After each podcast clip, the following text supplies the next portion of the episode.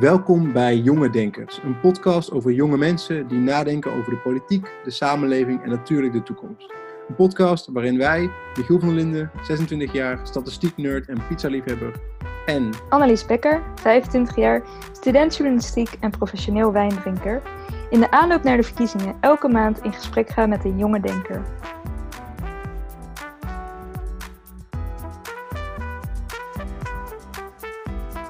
Bina, welkom bij Jonge Denkers. Hartstikke leuk dat je er bent.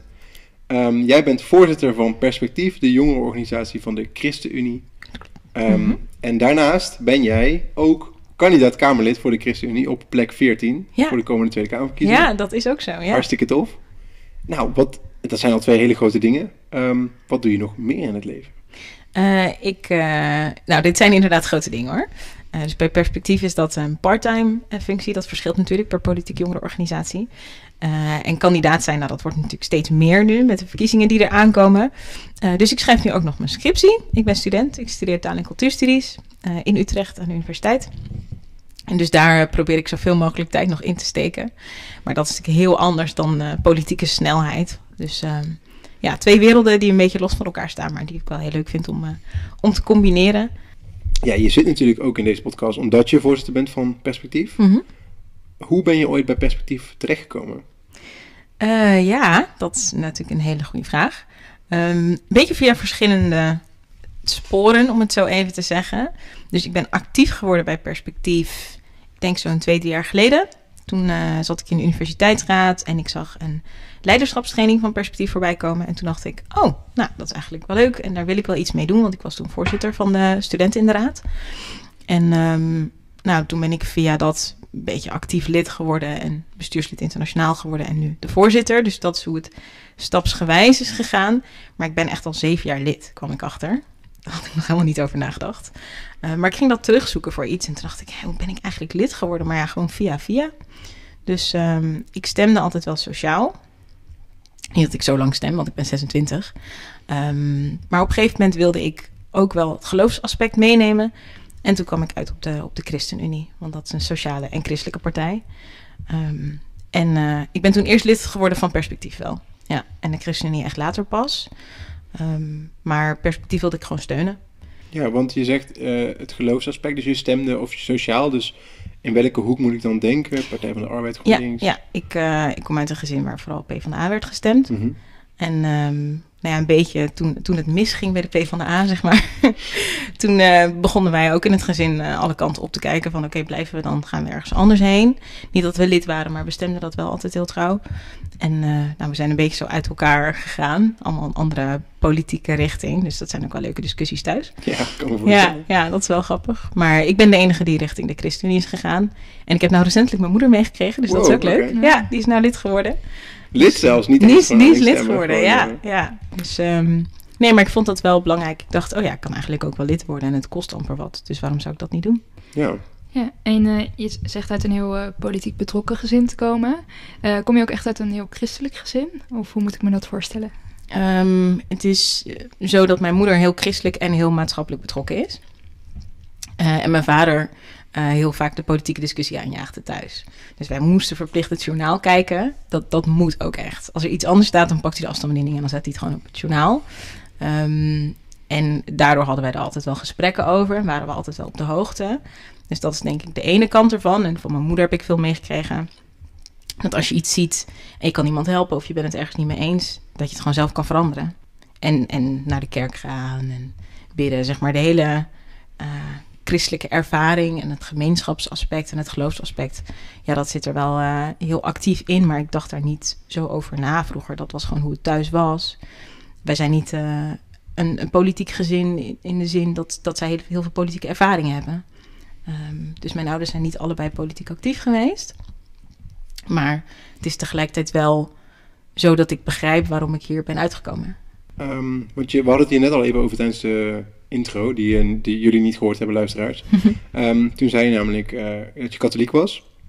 En dat je ook de eerste katholieke voorzitter bent van, ja, de, van het klopt. perspectief. Ja.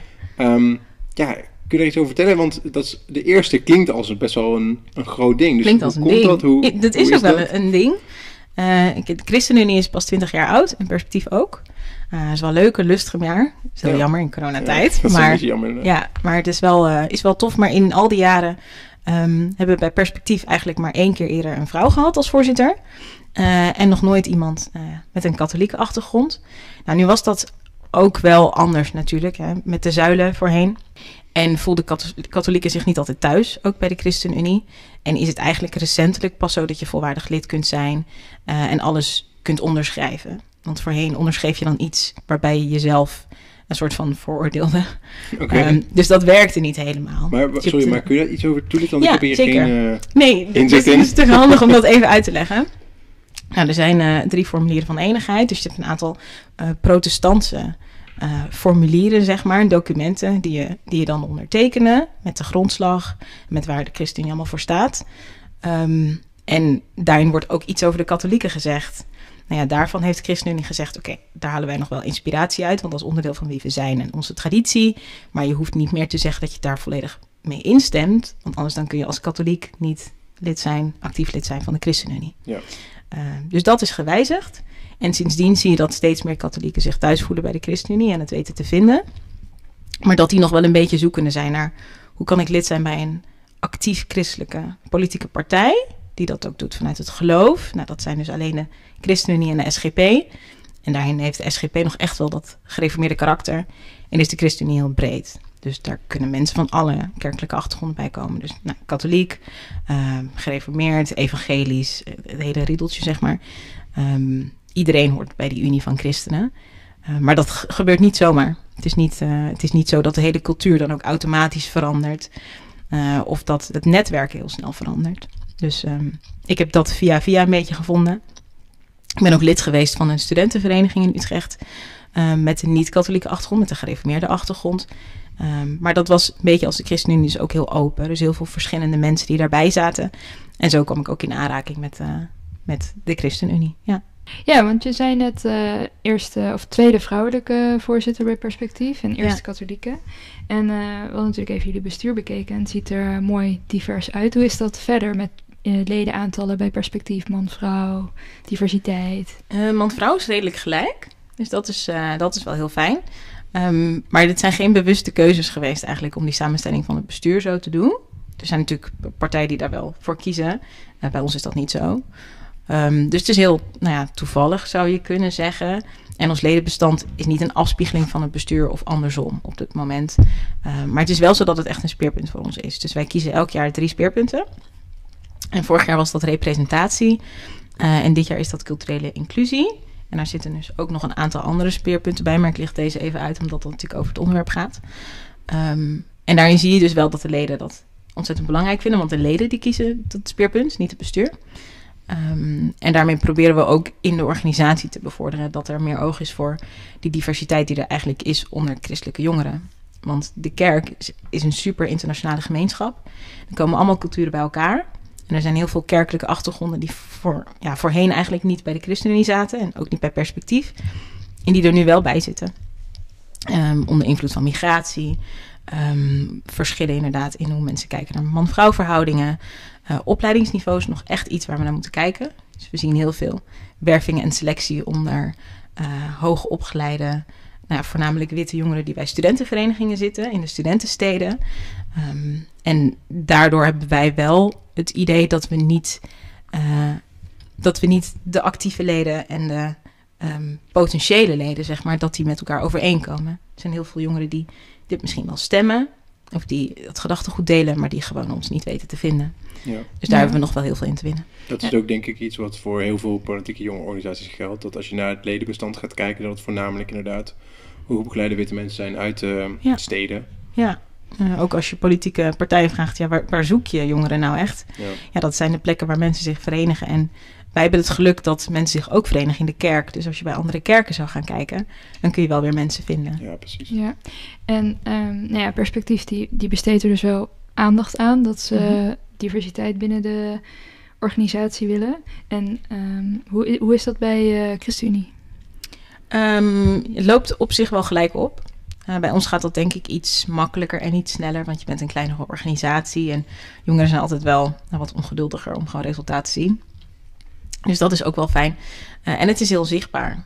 Eh, dus ik denk dat het, wat, wat ik grappig vind, ehm, is dat door mijn aanwezigheid het onderwerp al op de agenda staat. Ik hoef het niet eens altijd te noemen, ehm, maar doordat mensen het zien op een foto of in een samenstelling van een groep, is het soms al iets waarvan mensen zeggen: Oh, nou, dat is heel goed. Of mensen zich ongemakkelijk voelen doordat het niet klopt. Er klopt iets niet. En mensen hebben door. Waarom is het eigenlijk zo gek dat er zo weinig vrouwen zijn? Waarom is het eigenlijk zo gek dat Pina de eerste uh, zwarte voorzitter is, of de eerste katholieke voorzitter? Of, dus al die factoren die worden ineens nog belangrijker en urgenter. Niet omdat mensen die belangrijk vonden, want er liggen ontzettend veel beleidstukken op de plank. Um, maar omdat er niemand is die zegt: Hoi, heb je ook aan mij gedacht? Of hey, ik vind het echt belangrijk. Niet alleen dat je het zegt, maar ook dat je er echt iets mee doet. Um, dus je merkt dat die discussie nu wel extra wordt aangejaagd. En ik zelf probeer er ook wel veel uh, mee te doen. Ja, dus alle initiatieven die er zijn binnen de ChristenUnie, die pak ik ook wel op. En dat is ook wel, uh, wel tof om te zien dat je echt kunt bijdragen. Ja, ja want uh, je geeft aan dat door jouw aanwezigheid het gesprek vaak al daarover ontstaat. Um, is dat ook niet een beetje ongemakkelijk? Ja, zeker. Ja, dat is wel ongemakkelijk. Um, binnen de ChristenUnie niet echt. Het is zo'n kleine partij, de meeste mensen ken je wel. En uh, je kunt ze ook gewoon even uitleggen hoe je het best over zo'n onderwerp kunt praten. Uh, maar ik merk dat als kandidaat het soms nog wel heel gek is. Dus als je dan met journalisten praat, dat het wel heel erg afhangt van hoe zo'n journalist naar jou kijkt, wat hij vervolgens opschrijft. Um, dus zo heb ik al wel eens meegemaakt dat iemand gewoon schreef... Pina Cherino, de zwarte katholieke voorzitter van Perspectief. Dat ik dacht, nou, dat is wel een onderdeel van wie ik ben. Ja, ja. Maar we hebben het over zoveel andere dingen gehad. Ook over mijn politieke standpunten. Ook over perspectief als jongerenorganisatie. Over alle andere facetten van mijn leven. Of dat nou zijn hè, mijn familie, mijn vrienden, mijn hobby's, waar ik voor sta. Um, dat mensen het soms reduceren tot iets. Ja. En niet zo goed weten hoe daarmee om te gaan.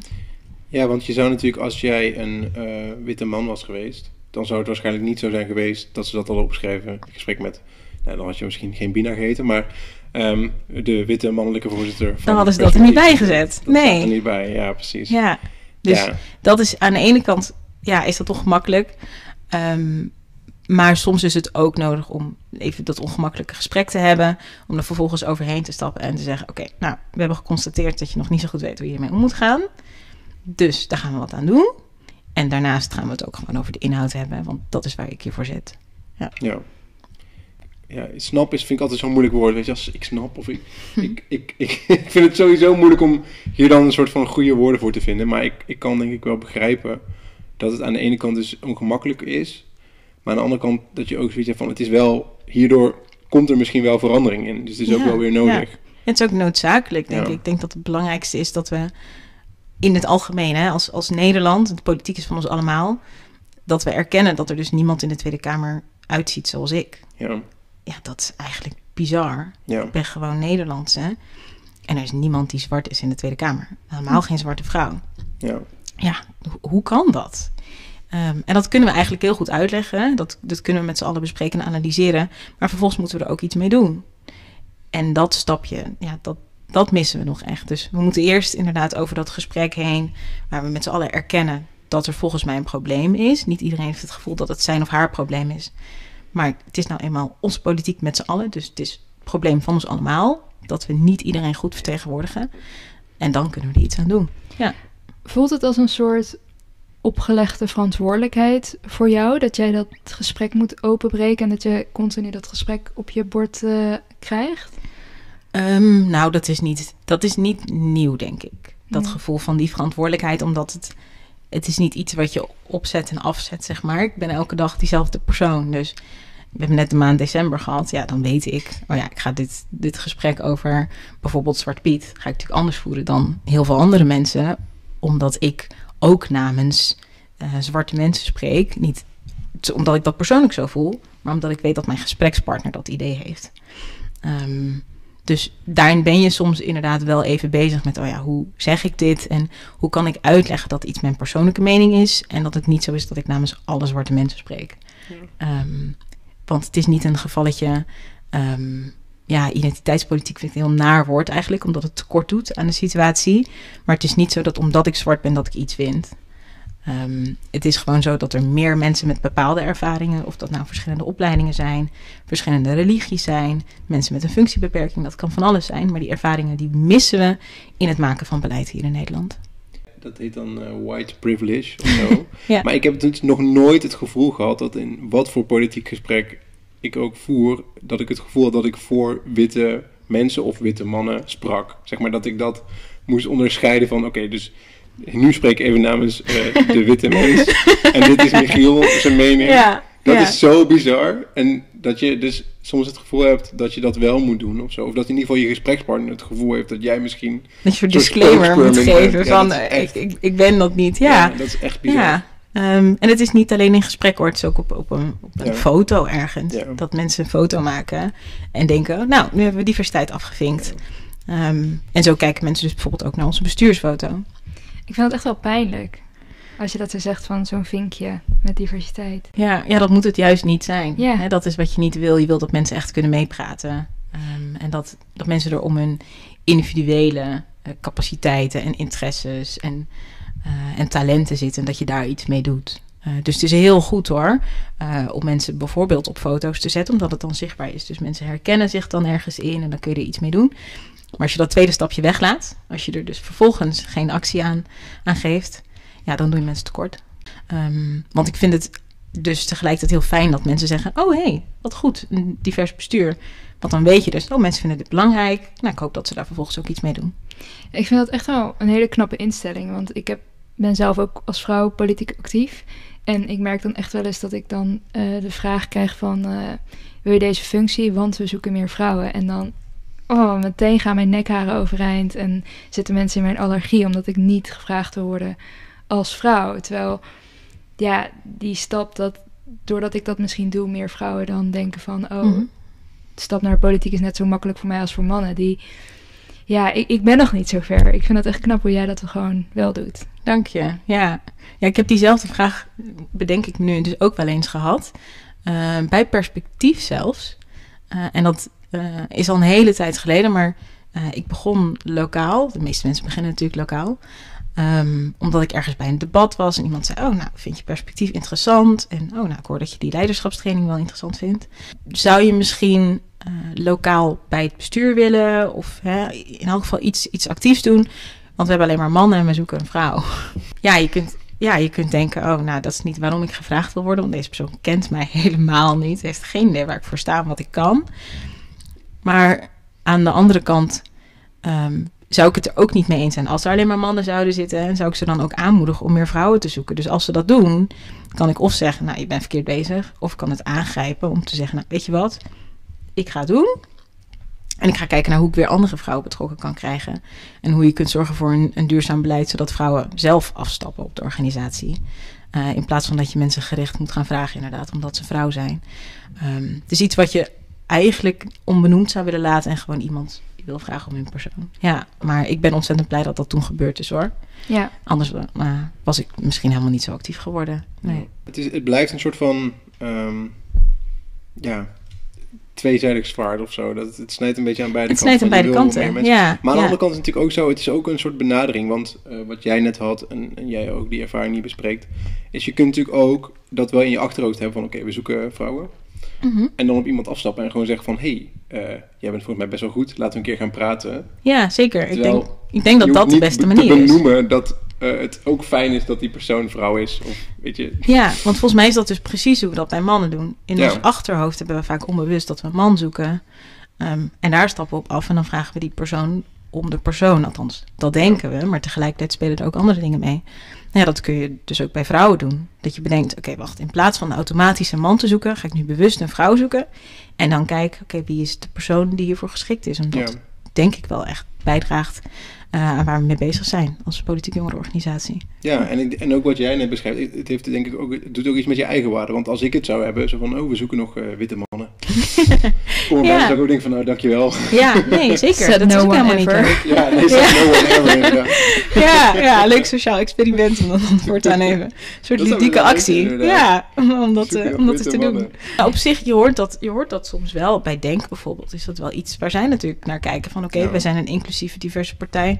Hoe kunnen we ook, nou ja, onder andere witte mannen vinden om eh, bij ons actief te zijn. Dus er zijn verschillende partijen die natuurlijk op, op andere manieren niet helemaal divers zijn. Ja, je staat natuurlijk zelf eh, op de lijst. Dus eh, misschien wel op een plek met voorkeurstemmen dat je daadwerkelijk eh, een zetel gaat bemachtigen. Of zelfs als de ChristenUnie gewoon een bizar goede verkiezing draait. Dat kan natuurlijk ook nog. 14 Zeker. zetels, ja, dat hoor je mij niet klagen hoor. Of misschien eh, rond de 12 en dan eh, twee mensen het kabinet in. Hè? Je weet het Zou niet. kunnen, zou kunnen. Zeker. En, en, maar is dat ook echt jouw ambitie om misschien niet deze verkiezing, maar later echt eh, in die Tweede Kamer te komen? Eh, ik zou dat wel mooi vinden, maar dat is niet waarom ik het gedaan heb. Ehm, ik vind echt wel dat, dat jongeren meer gehoord moeten worden in de politiek. En dat betekent dus onder andere concreet in de Kamer. Dus mocht het zo zijn dat ik die zetel zou krijgen, ja, dan ga ik daar helemaal voor. Ik vind eigenlijk dat er veel meer jongeren echt veel hoger op de lijst moeten staan. Ehm, of dat nou bij ons is of bij andere partijen. Eh, in die zin merk je echt dat jongeren te weinig worden gehoord. En daarom ben ik ook heel actief bezig met Coalitie I. Eh, dat heeft de ChristenUnie natuurlijk samen opgezet met Perspectief. En met heel veel andere eh jongerenorganisaties, jongere vakbonden, eh, belangenbehartigers.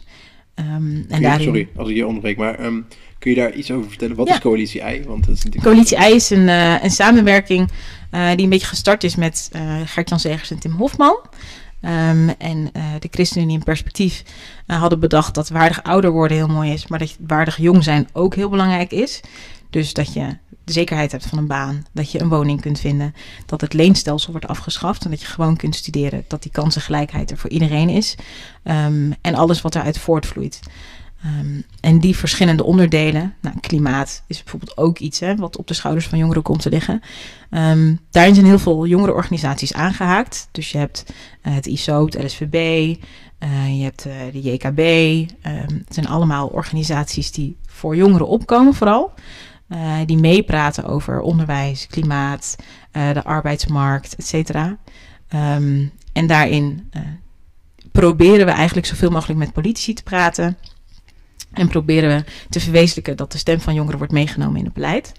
En zo zie je dat we nou, met minister-president hebben gepraat. Dus we zijn met een groep een paar keer naar het katshuis geweest. En met Rutte hebben we gepraat. Ehm, je ziet dat nou ja, Tim Hofman en Talita Mussen zelf als nou, bekende namen natuurlijk heel erg bezig zijn met hoe kunnen we zoveel mogelijk aandacht geven eh, aan coalitie I en met waar jongeren mee te kampen hebben. En dat er dus heel veel organisaties erop aanhaken. Dat ze denken, oh hé, hey, ik herken dit. Uh, hoe kunnen we dus uh, bij de politiek in de brede zin, dus niet alleen de ChristenUnie, je ziet ook echt dat andere partijen mee zijn gegaan met, oké, die basisbeurs die moet terugkomen. Hoe kunnen we dat daar verwezenlijken en hoe kunnen we dat op al die verschillende onderwerpen doen? En dan is het wel mooi om te zien dat je resultaat boekt en dat ministers met je aan tafel zitten. Dus dat je tegenover bijvoorbeeld een minister Ollongren zit en dat je het hebt over hoe kunnen we zorgen dat jongerenparticipatie op lokaal gebied beter kan. Of hoe kunnen we zorgen dat jongeren niet alleen um, een, een, woning kunnen vinden die onbetaalbaar is, maar dat ze zelf, zonder hun ouders, een keer een huis kunnen kopen. Um, ja, dat zijn wel echt belangrijke, concrete onderwerpen voor jonge mensen. Ja, volgens mij uh, pijnsen wij hier ook vaak uh, over. Ja, ja, ja. ja, ja, dat is toch de realiteit waar je in leeft. Zeker. Uh, een generatie die, die het echt wel uh, moeilijk heeft nu en het moeilijker gaat hebben. En ja, het is vooral een probleem van onzekerheid. Zoveel factoren in je leven waar je echt wel op jezelf aangerekend bent. En het gewoon heel veel geld kost om ervoor te zorgen dat je het allemaal redt. Ja. Nee, en ook wat je zegt over die jongerenvertegenwoordiging. Um, want ik ga het zo vragen ook over de ChristenUnie, want jij zit natuurlijk op plek 14. Mm -hmm. Maar ik, hè, Annelies en ik uh, weten het ook bij D66. Um, wat een partij is die traditioneel gezien in ieder geval best wel veel uh, uh, kiezers heeft die jong zijn en studenten. Mm -hmm. Stond niemand onder de 30 in de top 20. Ja, ja. Dat is best wel heftig, vond ik. Um, ja, dat is ontzettend schrijnend. Ja. ja. Eén iemand toch? Op 20 of 19? Nee. Re Rens nu, ja. omdat hij met is geamendeerd, hè? Uh, erin is gekomen, staat hij ja. op 19 of 20, maar die is 29 ja. en die wordt volgens mij dit jaar 30. Dus, nou goed, hè, het, alle respect voor Rens, maar het is niet echt dat je zegt van, nou, jongeren zitten wel hoog op de lijst. Uh, maar hoe is dat bij de ChristenUnie? Want jij staat dus op plek 14, maar zijn er andere Mhm. mm -hmm. jonge mensen die hoog staan? Um, we hebben, uh, als ik het goed zeg, zes mensen onder de 30 op de lijst. Uh, dus daar zijn we heel erg blij mee. En wat wij meestal doen, is gewoon zoveel mogelijk mensen uh, aanmoedigen om te solliciteren. Dat ja. is natuurlijk waar het begint. Nou, nu doen politieke partijen dat verschillend. Dus sommigen geven ook nog trainingen, zodat je ook een beetje gelijk speelveld hebt. Want als jongere heb je vaak minder ervaring. Dus dat is gewoon heel lastig om hoog op de lijst te komen. Um, maar iemand als Don Zeder had al veel ervaring. En die is volgens mij nu 31. Oh ja. Uh, dus tot voor kort was hij ook nog wel lid van ons. Ehm, dus dat is wel heel fijn om te zien. Dus mensen rond de 30 maken vaak nog wel echt kans op een zetel. Ja. Nou, dat is waar je wel goed op kunt inzetten. Ehm, maar in je twintige jaren in eh, ja, een verkiesbare, zeg maar, eh, regionen van de lijst staan, Ja. dat is nog wel heel moeilijk. En daar zie je dat heel veel politieke partijen ehm, mooie, ja, ze vertellen het heel mooi, maar als het erop aankomt en er moeilijke keuzes gemaakt moeten worden, dan is het, blijkt het toch te lastig voor Ja. ze om, om dat risico te nemen. Ehm, terwijl het het wel echt waard is. Want we hebben gigantisch veel jonge mensen in Nederland die stemmen. eh, die heel veel talent hebben, die politiek actief zijn. eh, en die heel goed kunnen verwoorden waar ze voor staan. Eh, dus dat zou echt wel een hele goede toevoeging zijn. Ehm, nee, je gaf al aan eh, katholiek te zijn en uit Mhm. dat je moeder ook heel gelovig is. Jij identificeert jezelf ook als christen? Ja. En eh, wat betekent christen zijn dan voor jou? Oh, wat een mooie vraag. Ehm, ja, bij mij is dat wel heel breed. Eh, dus ik kom inderdaad uit een katholiek gezin. Mijn ouders zijn allebei katholiek. Ik ben katholiek opgevoed en ik zit en blijf bij de katholieke kerk. Ehm, maar ik kerk eigenlijk op heel veel verschillende plekken. Eh, dus ik ga ook eh, nu vaak naar de protestantse kerk. Ehm, en toen ik bij de studentenvereniging zat, ging ik eigenlijk naar alle kerken wel mee. Dus de evangelische kerk en de vrijgemaakte kerk, eh, om er maar een paar te noemen. Ehm, en voor mij betekent christen zijn dat, eh, dat ik dat op zondag doe. Dus ik ga nu digitaal naar de kerk en dan eh, houd ik rust en daar ben ik mee bezig. Maar ook ehm, dat ik daarbuiten elk ander aspect van mijn leven nadenk over... oké, wat heb ik meegekregen van, van God en van de Bijbel? Eh, en hoe kan ik dat vertalen naar mijn dagelijks leven? En dat klinkt heel vaag, als ik het zo even zeg. Want dat klinkt heel religieus en heel algemeen. Maar in het dagelijks leven houdt dat in dat als je iemand kan helpen, dat je dat even doet. Eh, of dat als je zagrijnig bent, dat je dan even twee keer nadenkt over hoe je diegene benadert. Ehm, of dat ik nadenk over dat deze wereld volgens mij eh, gegeven is. Dat ik ontzettend dankbaar ben voor de wereld die ik heb. ehm, met al deze mensen om mij heen.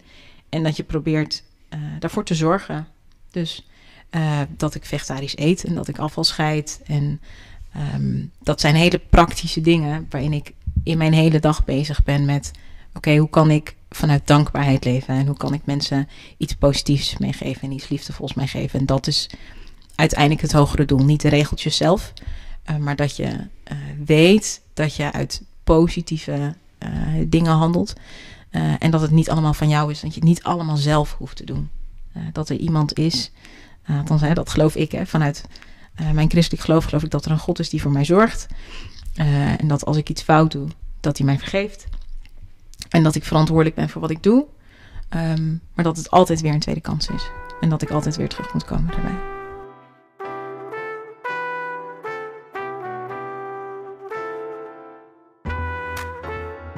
Um, dan gaan we inderdaad over naar hoofdstuk 2. Ja, dat, um, ik ga een serieus vraag stellen. Ja, nou ja, serieus vragen. Alsof we nog niet serieus genoeg zijn. Ja, we zijn best serieus begonnen. Maar nee, Zeker. dit gaat dus meer over de politiek. Um, Mhm. mm -hmm. En ook over perspectief in de ChristenUnie. Ja.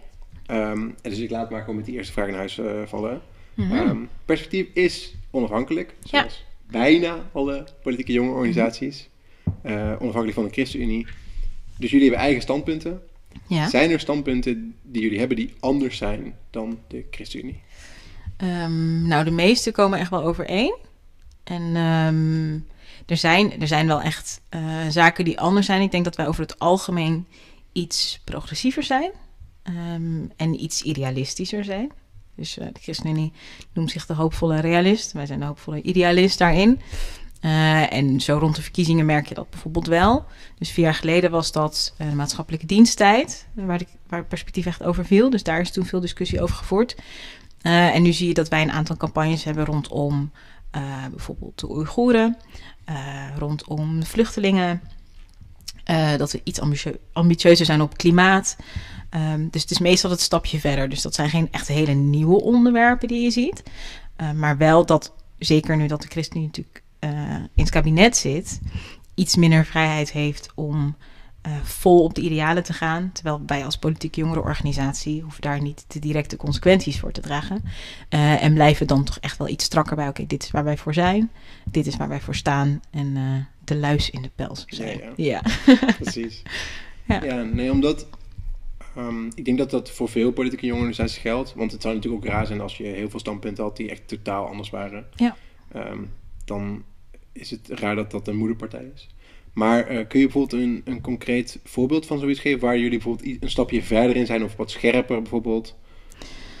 Eh, ik denk dat het vooral gaat om, om jongere thema's. Eh, dus terugkomen van de basisbeurs en het compenseren van de jongeren die daar tussen zijn gevallen.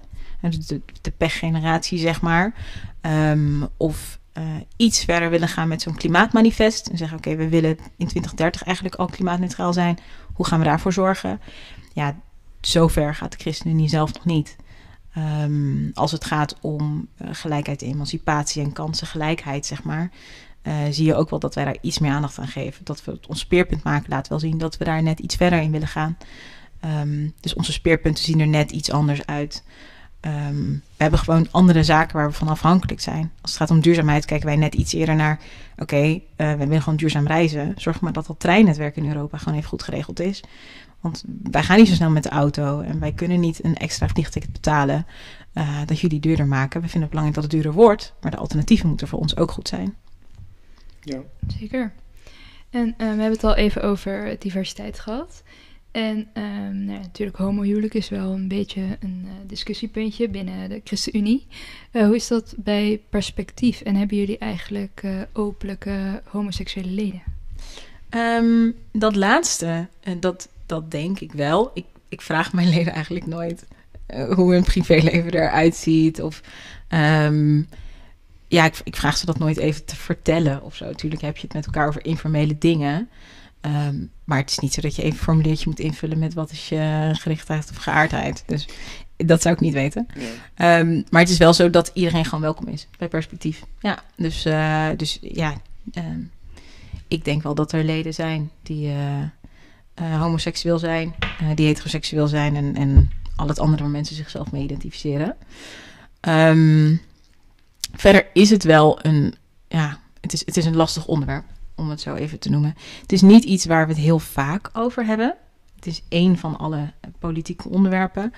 Ehm, maar het is meer iets waarin we kijken, oké, eh, hoe wordt dat gevoerd in de kerk? Omdat de scheiding tussen kerk en staat eh, er wel voor zorgt dat christenen dat gesprek veelal voeren over het kerkelijk huwelijk. Eh, en dat het meer plek heeft in de eigen kerkelijke sfeer, in de kerkelijke achtergrond. En dat die wel heel erg bepalend is voor hoe je daar tegenaan kijkt. En dat dat ervoor zorgt dat daar verschillende ideeën zijn binnen de ChristenUnie. Ehm, dus dat is een beetje 50-50 verhouding hoe mensen er tegenaan kijken. Maar we komen natuurlijk met z'n allen, ik bedoel in heel Nederland, uit een traditie waarin natuurlijk vaak tussen man en, en vrouw is. Ehm, en ja, daar zijn veranderingen in. En ook, ook zie je dat binnen, binnen onze, onze gesprekken. Maar dat gesprek, dat moedigen we aan. Ehm, er bij de ChristenUnie bijvoorbeeld zijn er wel mensen echt actief voor de ChristenUnie. Ehm, die nou, homoseksueel zijn en mensen weten dat. En nou, daar wordt ook gewoon open en normaal over gesproken. En in het laatste congres heeft de voorzitter van de ChristenUnie daar ook nog een stukje aan gewijd in zijn speech. Ehm, dus over inclusie ging het dan vooral. En eh, eh, ik heb daar ook nog wel iets over genoemd, over inclusie in mijn speech. Het was voor het eerst dat Perspectief überhaupt een speech mocht houden op het congres. Dus dat was, Voor het eerst? ja, ja. En volgens mij is bij jullie standaard, bij de JD. Ja, we hebben daar helemaal een motie eh, voor moeten indienen. en nou, ja, gelukkig is die er doorheen gekomen. Maar je ziet wel dat inclusie hoog op de agenda staat op dit moment. En eh, ook dat is daar een onderdeel van. En dan gaat het er vooral om dat, nou ja, los van hoe mensen daar in de kerk over denken, dat iedereen zich gewoon thuis voelt bij de ChristenUnie en dat je daarin jezelf kunt zijn. Ja. Eh, dat is wat, wat eigenlijk bovenaan staat daarin. Ja, we zitten nu natuurlijk midden in de tweede lockdown. Ehm, misschien als de podcast uitkomt, is de lockdown voorbij. Misschien ook niet. Ja, ik eh, verwacht hem. hoop het media, allemaal. Die, eh, Ja. die, die eh, stellen niet heel, heel erg gerust. Om de juiste redenen natuurlijk, hè? Hoe Ja, dat ja, dan natuurlijk, de cijfers eh, naar beneden zijn. Ja. Ik verwacht het eerlijk gezegd ook niet. Maar ehm, hoe kijkt Perspectief en de ChristenUnie eh, naar de coronacrisis? Ehm, ja, poeh, het is echt een, eh, een moeilijke tijd. Ehm, ik denk dat het, dat het ook heel verschillend is naar welk moment je kijkt in de coronacrisis. Dus dat het een crisis is, is evident. Eh, het is voor iedereen zwaar. Op verschillende manieren. Ehm, En ik denk dat het goed is dat het een tijd is van solidariteit. Dus dat mensen naar elkaar omkijken, dat is heel mooi. Dat zag je bij de eerste lockdown natuurlijk ook het meest. Uh, dat mensen allemaal initiatieven gingen opzetten om uh, toch de helpende hand te bieden, om voor eenzame mensen te zorgen. Um, maar ik denk dat het, het belangrijkste is dat het een tijd is in vertrouwen. Um, en dat dat is hoe wij dat proberen te benaderen. Uh, in elk geval als perspectief. Um, want je ziet heel veel wantrouwen in deze tijd. Mensen die de overheid wantrouwen, die zorginstellingen wantrouwen, die uh, vaccinatie niet vertrouwen. Um, Bill Gates wantrouwen. ja, ja, ja, echt van alle kanten. En vanuit die angst. Um, en ik denk dat het uh, belangrijkste is dat we blijven vertrouwen dat mensen het goede bedoelen. Dat we dit met z'n allen, dat we hier doorheen kunnen komen. Uh, en dat je daar niet blijft zitten in uh, wat is mijn ellende en wat zijn mijn rechten, maar hoe kunnen we dit gezamenlijk aanpakken? En hoe kun ik in elk geval tot hulp en, en nou ja, zegen dus zijn van de ander? En gewoon hopen dat we er zo snel mogelijk doorheen komen. We hebben nu natuurlijk ook de vaccins vandaag. Uh, ook al aan het doen. Ja, vandaag, vandaag begonnen. Vandaag, vandaag begonnen. Ja. Live gekeken vanochtend. Oh, mooi. Ja, het was niet heel boeiend, maar... was iets te vroeg voor veel mensen ja, misschien. Het blijft natuurlijk nog steeds iemand die een, een prik krijgt. Een prik krijgt in zijn het, arm. Het symbolisch ja. is allemaal heel belangrijk inderdaad, maar het was Ja. niet... Als allerlaatste land, ja. Ja, als allerlaatste. Er werd er ook nog heel veel bij In gezegd ieder geval in natuurlijk. Europa inderdaad. Ja. Ja. Maar ehm, vandaag voor het eerste vaccins. Ehm, nou, had je het net ook al even over wantrouwen. Mhm. Eh, bijvoorbeeld tegen vaccinaties. Ehm, veel van dat wantrouwen zie je ook eh, in bijvoorbeeld streng kerkelijke gemeenschappen. Hoe denk je dat dat komt in, in zo'n gemeenschap? Merk je daar zelf iets van in je... Eh, in, in mijn persoonlijke gemeenschap niet. Wat bij ons voorop staat is dat je zelf mag kiezen of je een vaccin neemt. En dus dat je de vrijheid hebt om te zeggen: ik wil niet gevaccineerd worden. Dat kunnen medische redenen zijn. Dat kan zijn dat je het, uh, dat kan zijn dat je het niet vertrouwt. Ik ken weinig mensen die dat als, als reden aanvoeren. Er zijn mensen die zeggen: nou, ik wil hier niet op rekenen. Ik wil niet dat dat mijn enige mogelijkheid is. Ik leg mijn vertrouwen in iets anders. Um, maar wat, wat wij het belangrijkste vinden is dat je zelf de mogelijkheid hebt uh, om daar wel of niet voor te kiezen. En dat er dus niet alleen een vaccinatieplicht is, uh, waar, we, waar we van zeggen, nou dat willen we niet. Maar ook dat er geen andere factoren zijn uh, waardoor je misschien buiten de samenleving wordt gezet. Zo'n paspoort bijvoorbeeld, of uh, dat je een verplichting zou moeten hebben om vervolgens mee te kunnen doen aan het onderwijs, of om naar je werk te kunnen. We willen dat je mee kunt doen in de samenleving, ook als jij de persoonlijke afweging maakt om dat vaccin niet te nemen. Het is natuurlijk wel zo dat um, mocht die groep substantieel zijn, die Ja. dus de keuze maakt van geen vaccin voor mij, dat heeft ook hele grote gevolgen voor de mensen die wel. Zeker. Dus tegelijkertijd. Ja, tegelijkertijd uh, roepen wij of roep ik mensen op om het vooral wel te doen. Uh, ik haal elk jaar gewoon een griepprik. Dus voor mij is een vaccinatie niet, niets nieuws. Mhm. Volgens mij is in Nederland eigenlijk vaccinatie sowieso niet iets nieuws. Hè? Dus er zit heel veel wantrouwen rondom deze crisis en de pandemie. Omdat het voor allemaal mensen heel erg eng is, heel erg nieuw is. Je, je hebt geen idee welke informatie waar is. Soms zie je echt dingen voorbij komen. En heel veel voorbij komen. Waarvan je denkt, oh, wat een ellende toch. Dat mensen dat allemaal moeten incasseren, die informatie. Um, maar nee, het, belangrijkste is dat we met z'n allen wel zeggen: oké, je mag ervoor kiezen om het niet te doen, maar doe het alsjeblieft wel.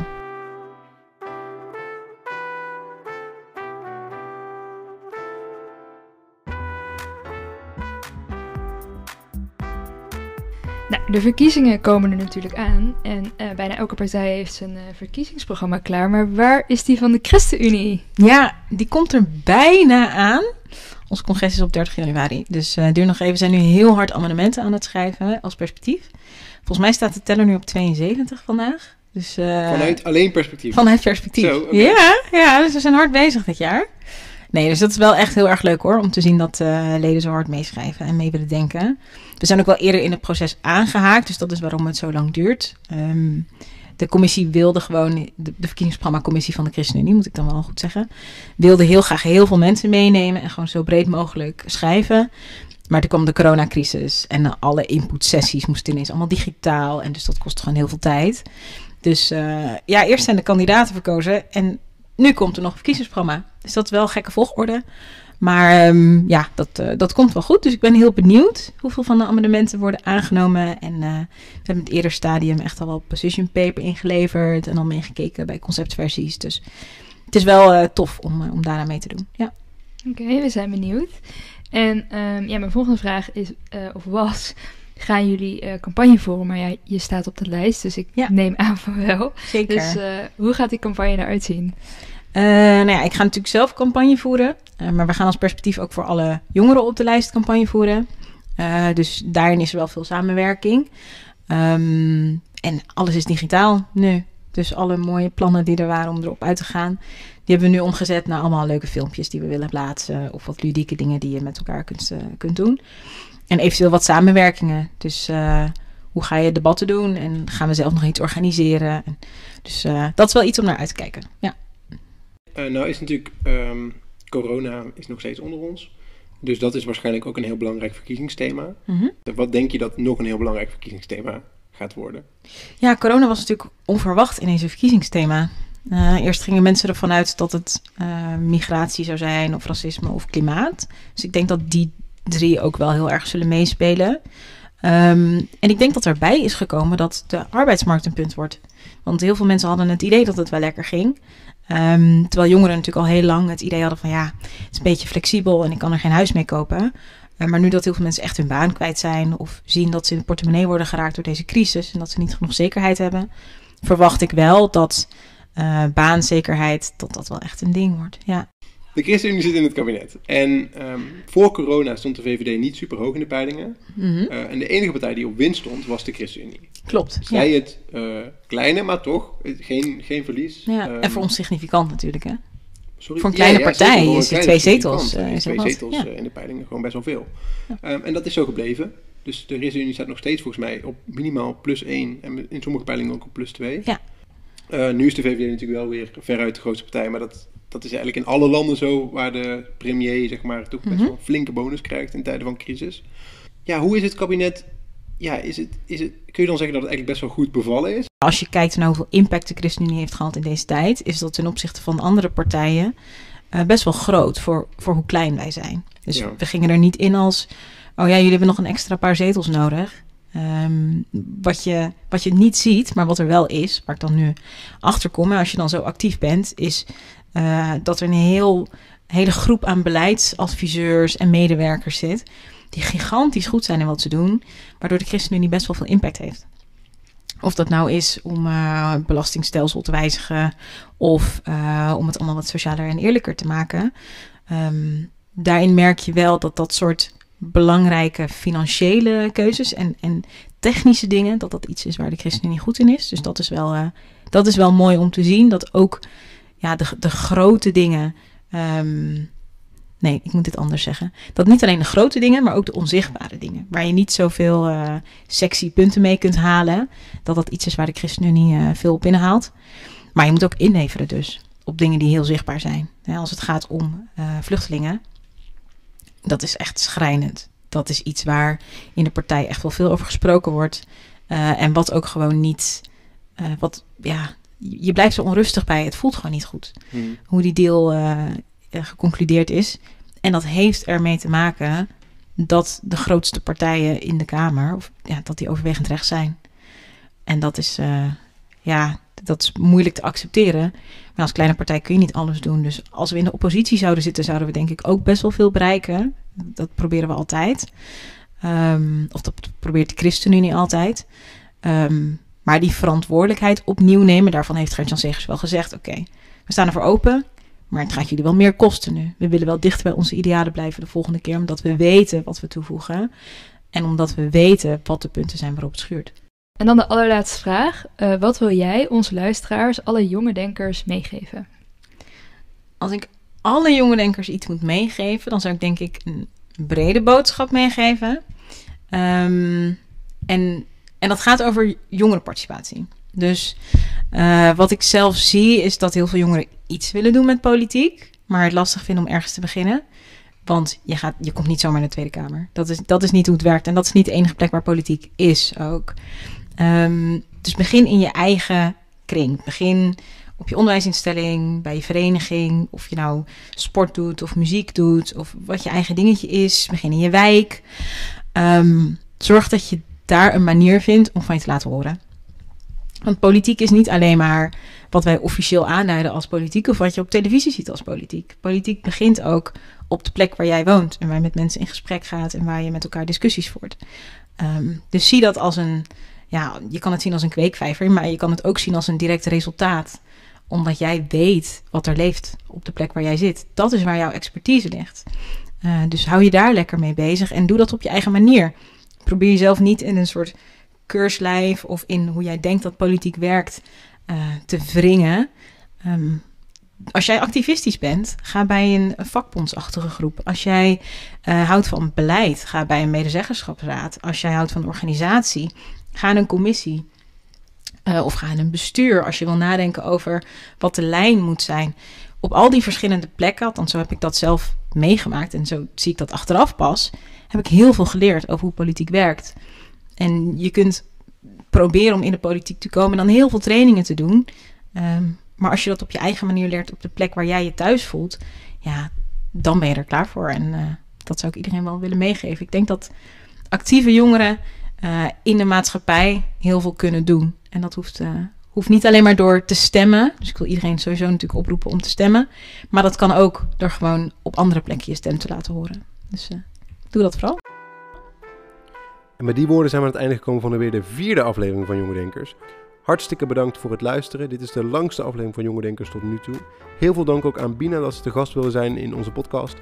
Als je nou meer wil weten van Jonge Denkers, dan kun je ons volgen op Instagram, Jonge Denkers. En daar hebben onze gasten ook uh, elke keer een Instagram takeover waar je ze vragen kunt stellen. Wij maken deze podcast onder de vlag van de Demo, het onafhankelijke magazine van de Jonge Democraten.